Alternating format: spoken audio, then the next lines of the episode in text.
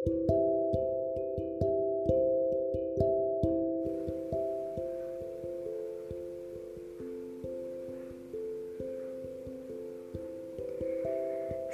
malam anak-anak.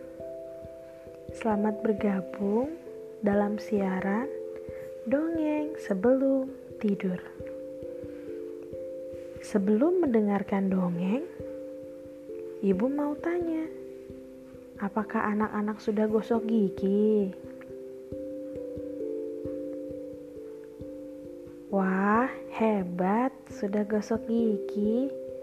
Bagi yang belum, Jangan lupa untuk gosok gigi ya.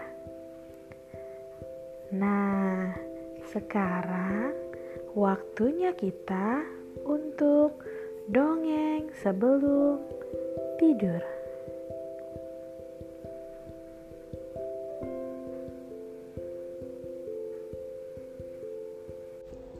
Kali ini Ibu Uni akan bercerita dari Elip dengan judul Keledai Kecil dan Layangannya Karya Xiangguo Musim semi telah tiba. Teman-teman keledai kecil mengajaknya untuk bermain layang-layang. Keledai kecil tidak punya layang-layang. Dia berlari pulang dan memohon kepada ayahnya Ayah, ayah, tolong buatkan aku sebuah layang-layang. Ayah menjawab, Oh nak, kenapa kamu tidak coba membuatnya sendiri?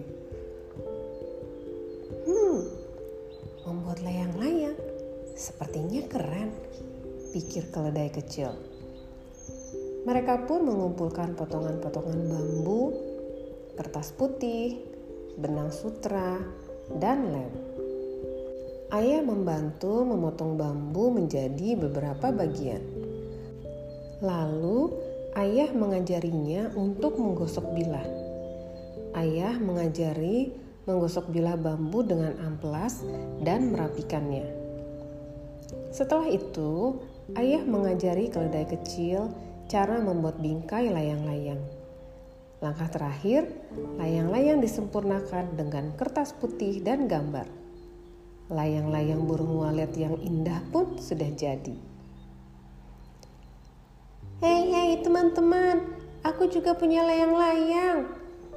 Keledai kecil sangat bersemangat hingga berlari dengan sangat cepat. Dia ingin segera menerbangkan layang-layang bersama teman-teman.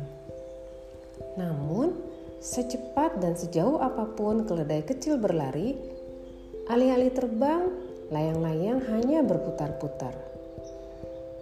Babi kecil berlari menghampiri keledai kecil.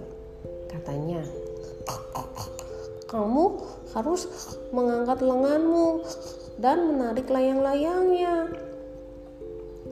Sapi kecil berlari menghampirinya dan berkata, Mu,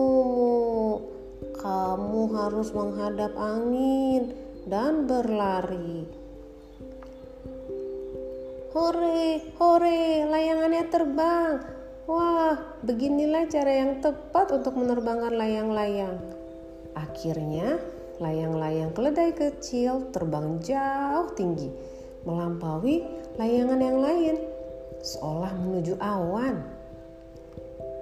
Sang sapi berkata dengan kagum, "Oh, hei kawan, layang-layangmu indah sekali. Lain kali beritahu aku ya cara membuatnya." Mu. Babi kecil tidak mau kalah. Dia berseru,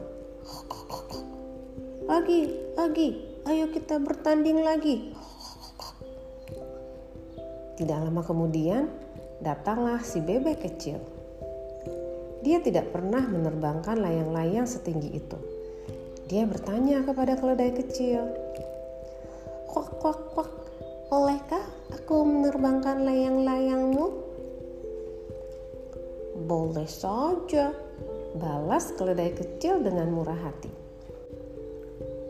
Ayo kita bertukar layang-layang dan bermain. Namun, layang-layang tersebut terlalu besar untuk dikendalikan bebek kecil. Bebek kecil memegang tali dengan sekuat tenaga. Layang-layang itu membawa bebek kecil terbang ke langit. Tolong, tolong aku. Astaga, tolong. Hah, teman-teman, sepertinya kita harus segera menolong si bebek kecil. Teman-temannya pun mengejar si bebek kecil.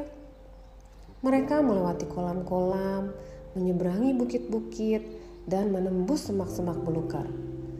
Mereka menghampiri bebek kecil. Tiba-tiba saja, "Hei, bebek kecil, cepat lepaskan layang-layang itu. Jangan pedulikan layang-layangnya. Lepaskan!" seru teman-temannya. Ada pohon besar di depan bebek kecil. Sebentar lagi dia akan menabrak pohon itu. Bebek kecil ketakutan. Dia pun mengepakkan sayapnya dengan cepat. Oi, kembalilah bebek kecil, tidak usah dikejar. Astaga, aku lupa, aku bisa terbang. Bebek kecil mengepakkan sayapnya dan mencoba untuk terbang tinggi.